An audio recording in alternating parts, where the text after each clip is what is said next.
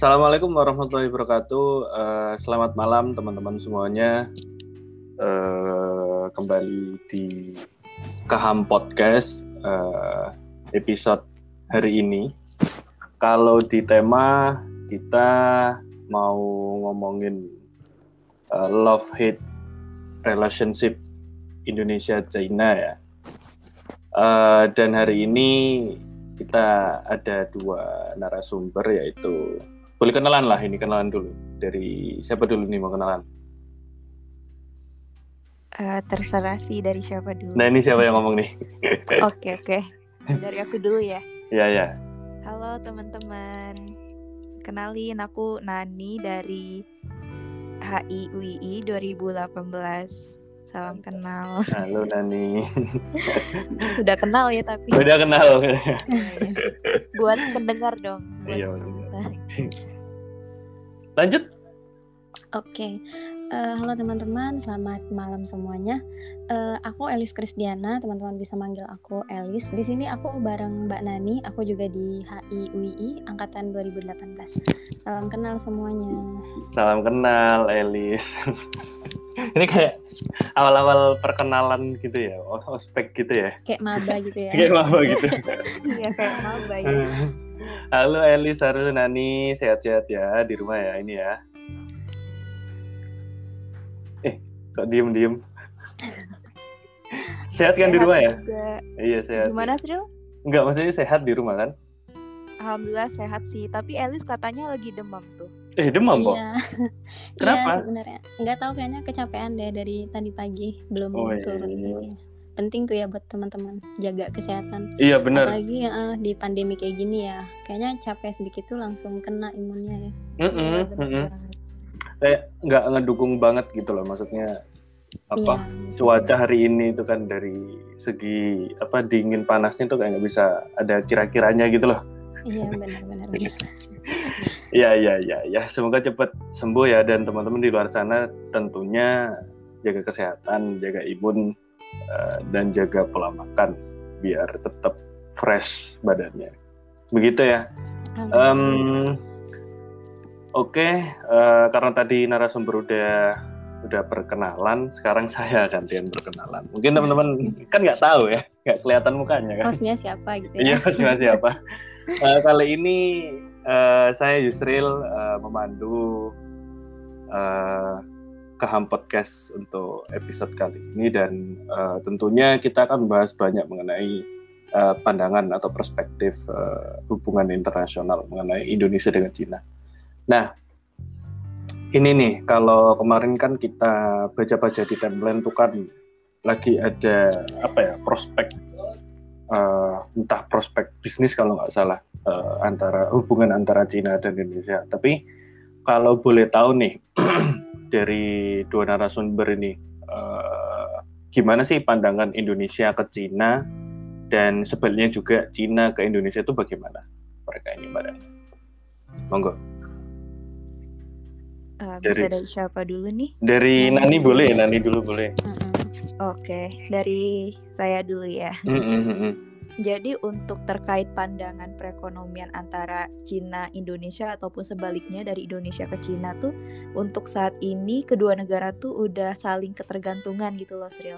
Mm. Jadi mm, udah saling ketergantungan banget di mana investasinya juga udah meninggi gitu dan di tengah pandemi sekalipun gitu. Dan di tengah pandemi pun tidak uh, menjadi sebuah hambatan bagi kedua negara itu untuk melakukan sebuah kerjasama kayak gitu. Dan uh, bisa kita lihat juga pada tanggal 20 Agustus 2020 tahun lalu itu uh, Cina sama Indonesia tuh udah menjalin kerjasama ekonomi. Mereka melakukan pertemuan bilateral kedua negara gitu loh. Indonesia Tiongkok di tengah pandemi gitu loh. Bahkan di tengah pandemi sekarang ini uh, kerjasama nggak nggak nggak henti-hentinya gitu di bidang investasi. Apalagi investasi-investasi dari Tiongkok itu kan udah banyak banget ya masuk ke Indonesia. Mm-hmm. Kita bisa lihat tuh kalau misalkan di pasar-pasar kayak mainan kayak ataupun elektronik-elektronik tuh made in China, made in China gitu kan. Jadi mm-hmm. jadi di sini tuh kita bisa ngeliat bahwa kedua negara itu udah saling ketergantungan banget sih kayak gitu. Mm-hmm. Dan di dan di tengah pandemi COVID-19 juga terbukti nggak menghambat kerjasama kedua negara yang berlangsung sudah uh, kerjasama Indonesia China tuh udah berlangsung selama 70 71 tahun gitu. Oh, 71 tahun ya? Iya, benar. Semenjak berarti kalau hitungannya merdeka itu kita udah berapa tahun nih? 76 sekarang ya? Mm -mm, 76 sih? Iya. Oh, berarti dari dari 1940 eh 1950 ya? Iya. Eh, 1950 51 ya? Dan, dan hmm. Pada tahun 65 itu kan sempat terhenti kan diplomatiknya yeah, yeah, dikarenakan yeah. ada peristiwa 30S itu. Hmm. Hmm. Okay, dan okay. sempat apa dan sempat dihubungkan kembali itu di eranya Gus Dur gitu dan diplomasi diplomasi diplomatik tuh kegiatan diplomasi tuh udah berjalan lagi kayak gitu. Nah lanjut lagi ke yang masalah ekonomi tadi tuh yang di tengah hmm. pandemi COVID-19 tuh ya tadi nggak menghambat kerjasama kedua negara gitu loh yang hmm. berlangsung selama 70 70 71 tahun ini yang mana uh, dari periode Januari sampai November 2020 tuh peningkatan investasi ataupun kerjasama ekonomi Indonesia China ini tuh udah mengalami peningkatan sebesar 10,96 persen gitu. Itu tinggi itu ya? Iya dibandingkan periode yang dibandingkan periode sebelumnya pada tahun hmm. 2019. Jadi hmm. pandemi ini tuh walaupun uh, terlihat emang kayak pandemi ini kayak melanda seluruh dunia kerjasama hmm. putus, tapi di sini uniknya Indonesia sama Cina nggak putus masih tetap, gitu. Iya. Masih tetap jualan lah ya. Hmm, bener banget. Jadi di sini okay, tuh okay. kayak kayak uh, relationshipnya kayak udah intens banget. Gitu. tapi tapi oke okay, oke okay. itu di di bidang artinya ekonomi uh, yang artinya kan ada ekspor impor nih. Nah kira-kira kalau misalnya tadi kan Nani nge-mention tentang bagaimana produk uh, produk Cina itu bisa terjual di Indonesia kayak gitu kan. Nah kalau menurut Elis uh, ini apa ada nggak sih uh, Indonesia ngimpor apa kira-kira ke Cina?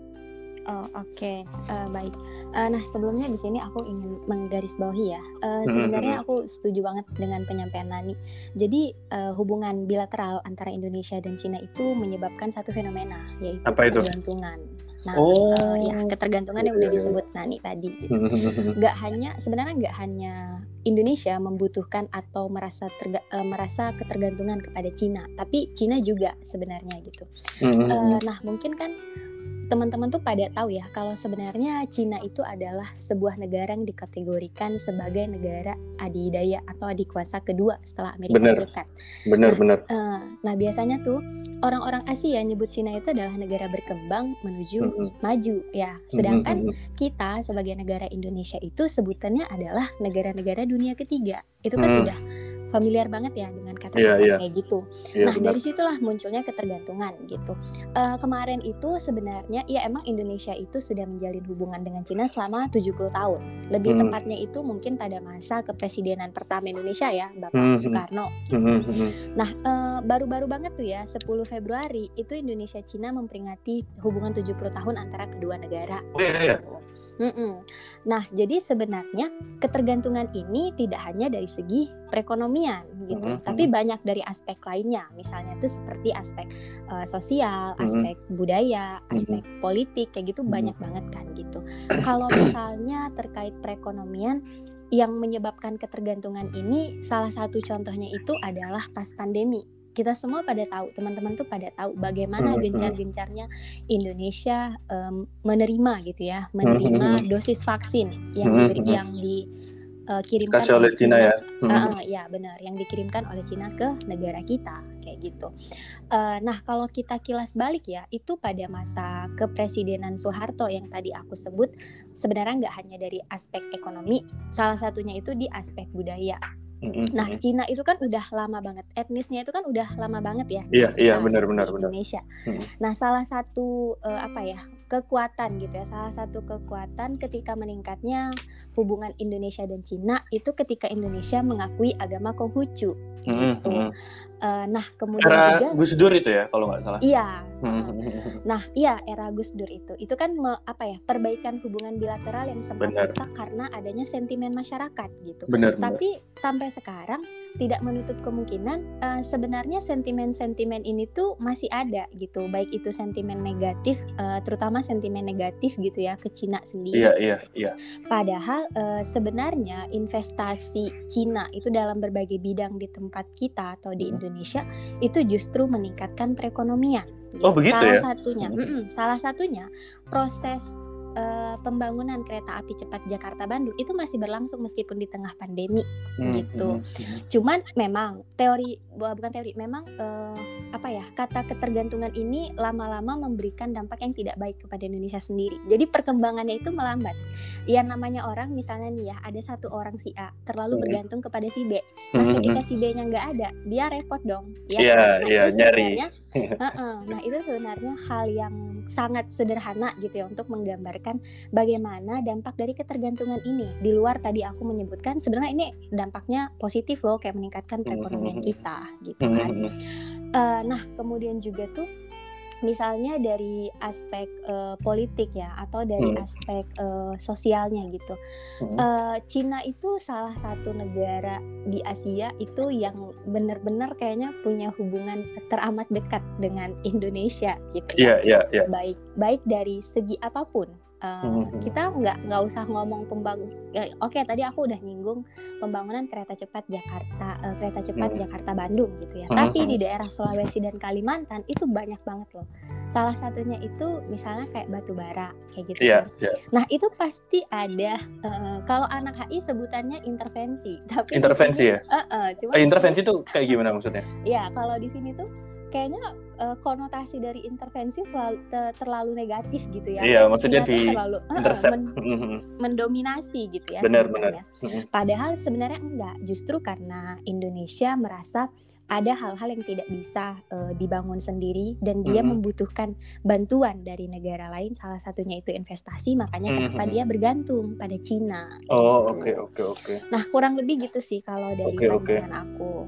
Nah ini kalau ngomong hubungan Cina dan Indonesia, kalau memang sejak lama itu ada ada uh, sama lah ya, maksudnya proses uh, sosial politik itu itu sama. Dan budaya mungkin karena juga banyak etnis uh, Tionghoa yang ada di Indonesia itu hidup gitu.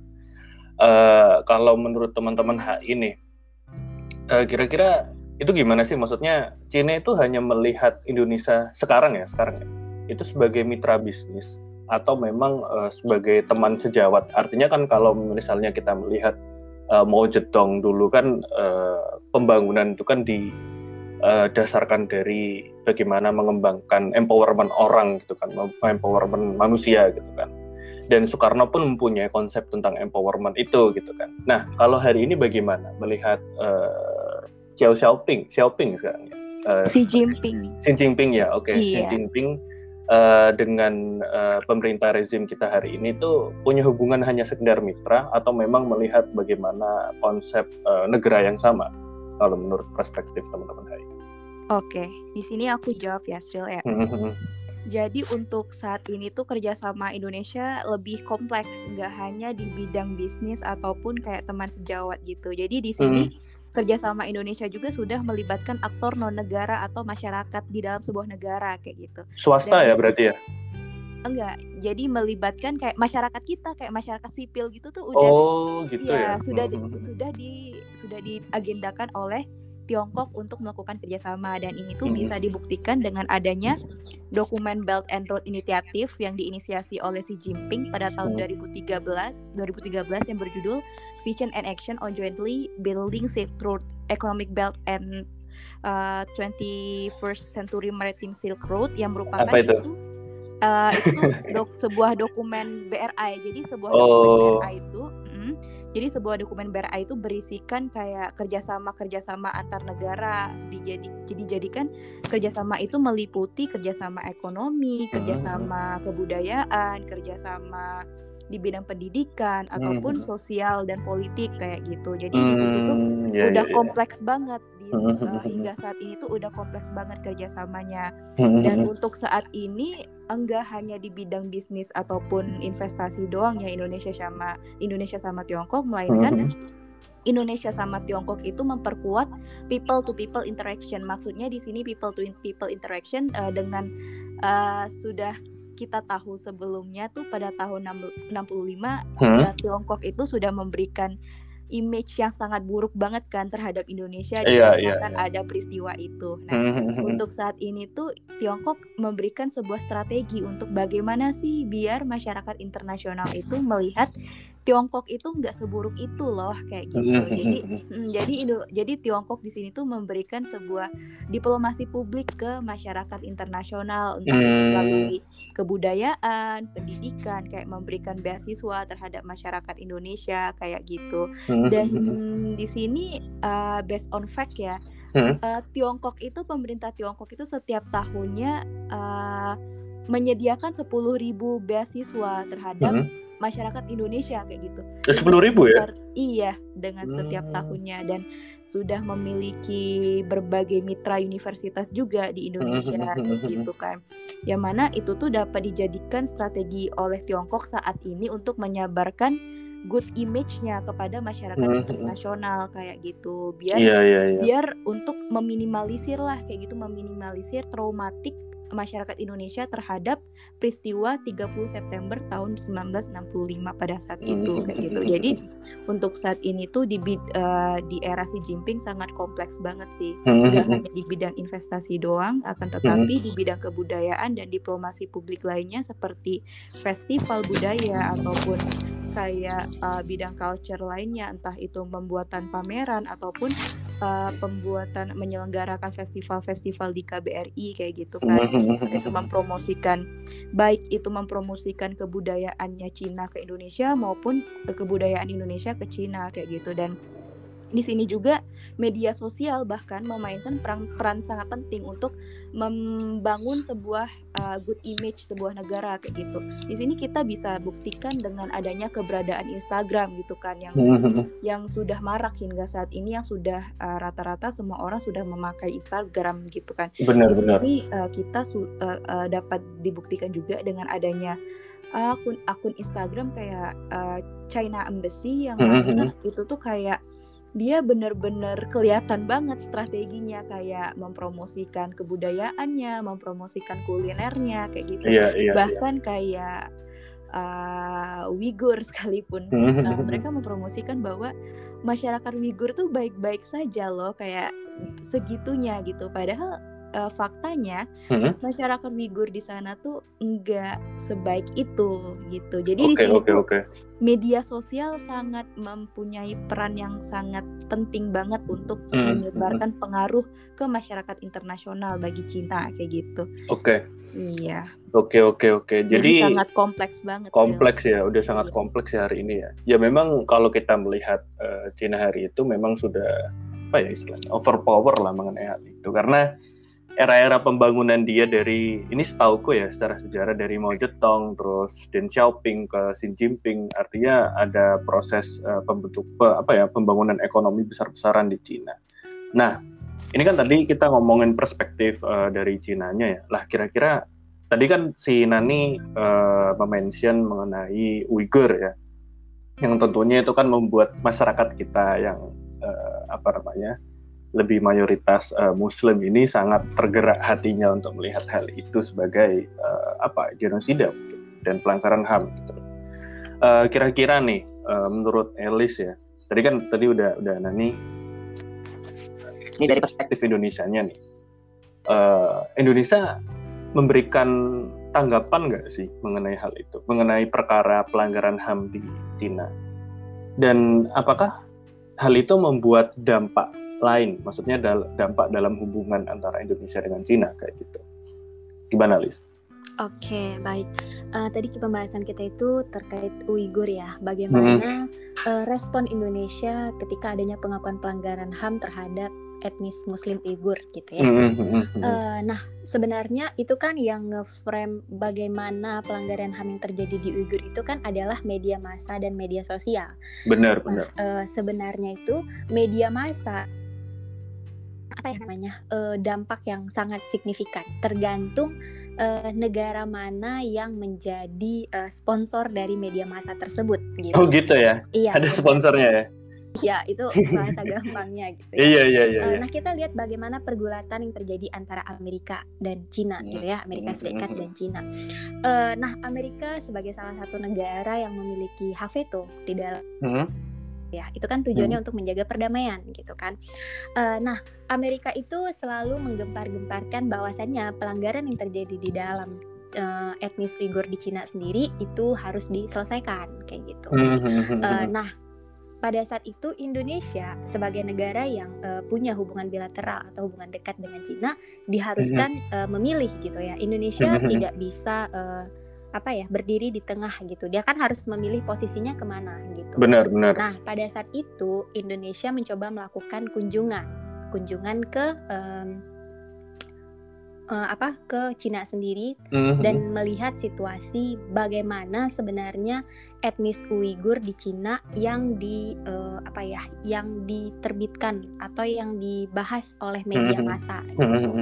Nah uh, pada saat Indonesia melakukan kunjungan uh, itu adanya situasi dan kondisi yang justru positif gitu atau lebih tepatnya yang dilihat Indonesia di sana adalah pelanggaran HAM yang terjadi di Uighur hmm. di di Cina gitu ya di uh, kepada etnis Uighur itu justru uh, salah gitu. Jadi media masa ini uh, istilahnya apa ya? terlalu memperluas gitu, memperluas hmm. uh, narasinya gitu ya, narasi pelanggaran HAM kepada etnis Uighur sendiri. Hmm. Gitu. Nah, buktinya dari mana ketika Indonesia melakukan kunjungan uh, itu Indonesia melihat sebenarnya yang dibangun di sana itu adalah camp-camp pendidikan gitu. Mm-hmm. Nah, pada saat media masa mengisukan uh, berita ini, kan ada sebutan bahwasannya etnis Uighur itu dilarang untuk melakukan ibadah sebagaimana Muslim pada umumnya. Mm-hmm. Ketika Indonesia melakukan kunjungan ke sana, ternyata di sana di tempat camp-camp mereka itu justru ada masjid yang disediakan oleh pemerintah-pemerintah Cina untuk mereka mm-hmm. melaksanakan ibadah sesuai dengan uh, keyakinan masing-masing gitu. nah, meskipun pada itu sempat terjadi keraguan antara Indonesia dan Cina apakah sebenarnya camp-camp pendidikan itu uh, justru disetting atau Cina sendiri ketika Indonesia datang berkunjung gitu kan. Nah, tapi pada akhirnya uh, terjawab melalui sebenarnya camp-camp pendidikan yang dibangun di sana itu memang uh, benar-benar bertujuan untuk meningkatkan keterampilan ke uh, hmm. etnis Uighur sendiri, etnis yeah, Muslim. Yeah, yeah. Gitu. Hmm, hmm, hmm, justru sentimen-sentimen yang seperti itu tuh selalu muncul di dalam masyarakat. Nah kemarin yeah, yeah. kenapa bukan kemarin ya maksudnya pada saat terjadi itu kenapa Indonesia bisa melakukan kunjungan sebenarnya ada desakan dari masyarakat kayak gitu. Jadi bukan si pemerintahan yang melakukan dan uh, Indonesia sendiri, tapi juga ada uh, masyarakat-masyarakat yang andil dalam hal tersebut gitu. Adanya desakan hmm. dari masyarakat uh, supaya Indonesia ini memilih posisinya di mana gitu. Kalau emang ini beneran pelanggaran HAM harus diselesaikan. Nah jadi makanya Indonesia memutuskan untuk melakukan uh, kunjungan ke uh, apa camp pendidikan. Camp pendidikan itu ya? Iya benar.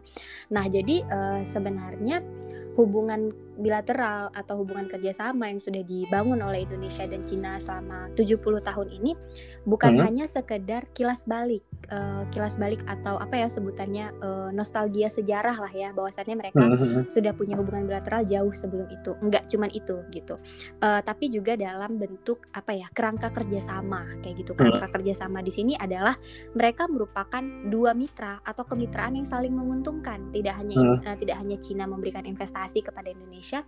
Uh, tapi kan sejauh ini kita bisa lihat banyak ya produk-produk Indonesia yang dikirimkan kepada Cina sendiri. Kita tahu Indonesia itu sebagai salah satu negara uh, kelapa sawit ya. Kita banyak menghasilkan kelapa sawit. Nah itu juga yang dikirimkan oleh Indonesia ke Cina gitu. Jadi uh, hubungan bilateral ini nggak hanya jelas balik, tapi uh, kemitraan yang saling menguntungkan kedua belah pihak. Gitu.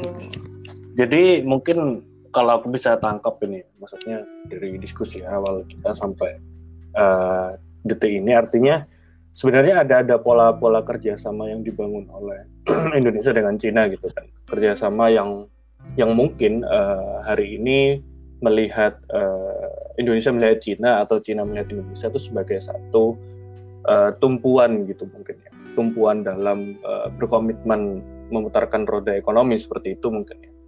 Uh, Dan apakah ini uh, kemungkinan ada kemungkinan nggak sih uh, Indonesia akan bisa menjadi uh, negara ekonomi yang mempunyai eko perputaran ekonomi yang besar seperti China kayak gitu menurut kalian? Uh, aku jawab ya Sil. Mm -hmm. Tadi pertanyaannya apakah bisa Indonesia menjadi seperti Cina gitu, maksudnya mm -hmm. menghegeno menghegemoni gitu? Iya, ada ada kemungkinan nggak kira-kira? Okay. Kalau dari aku sendiri sih um, untuk jawab kemungkinan iya atau tidaknya kayaknya hmm tidak ya selagi, tidak ya iya selagi Indonesia masih bergantung kayak gitu oh begitu ya iya dikarenakan hmm. dengan adanya ketergantungan Indonesia Cina yang diberikan investasi yang sebanyak itu hmm. itu bisa menjadi sebuah trap diplomasinya Tiongkok gitu dijadikan hmm. sebuah diplomasi jebakan gitu hmm. hmm, hmm. iya oh jadi, begitu ya iya di, uh, dan Indonesia juga uh, disarankan untuk perlu uh, melirik mitra-mitra lain selain Tiongkok kayak gitu agar untuk meminimalisir ketergantungan ini. Jadi untuk terkait uh, ke depannya Indonesia menjadi negara hegemoni atau tidak, hmm?